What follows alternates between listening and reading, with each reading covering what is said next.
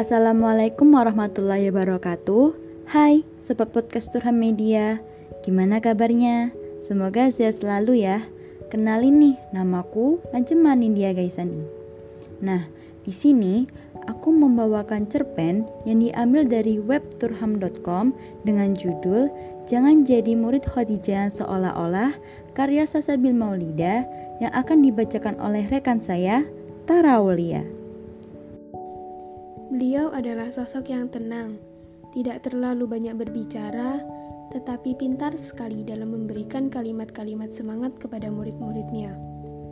Tubuh yang tak seberapa tinggi tetapi menggemaskan. Beliau juga bersifat dingin kepada orang-orang di dekatnya, tetapi sebenarnya baik sekali kok. Beliau dulu pernah menjadi kepala sekolah saat aku SMP, dan sekarang menjabat lagi sebagai kepala sekolah juga di SMA. Keren banget kan? Nah, beliau adalah Pak Gofar. Mas Gofar SAG MPDI nama panjangnya. Beliau orang yang tenang, saking tenangnya jadi dingin banget sifatnya. Bagian yang aku kagumi dari sosok Pak Gofar adalah sifat tenang ketika menghadapi masalah atau kritikan dari orang-orang di sekitarnya.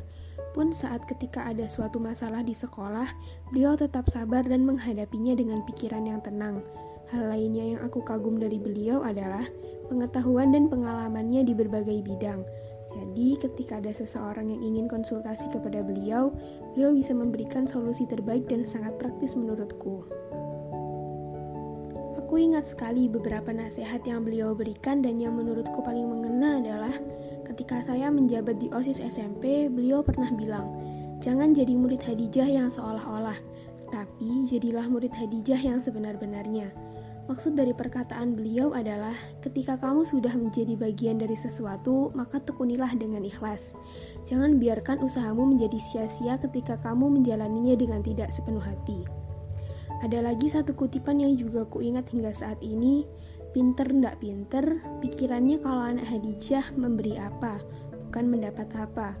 Pesan yang dimaksud adalah, meskipun kamu pintar atau kurang pintar, sebaiknya kamu jangan selalu mengeluh. Contohnya, ketika kamu belajar matematika dengan rumusnya yang susah, jangan kamu bertanya, apakah di kehidupan sehari-hari itu digunakan, atau dengan pertanyaan lain yang mirip seperti itu.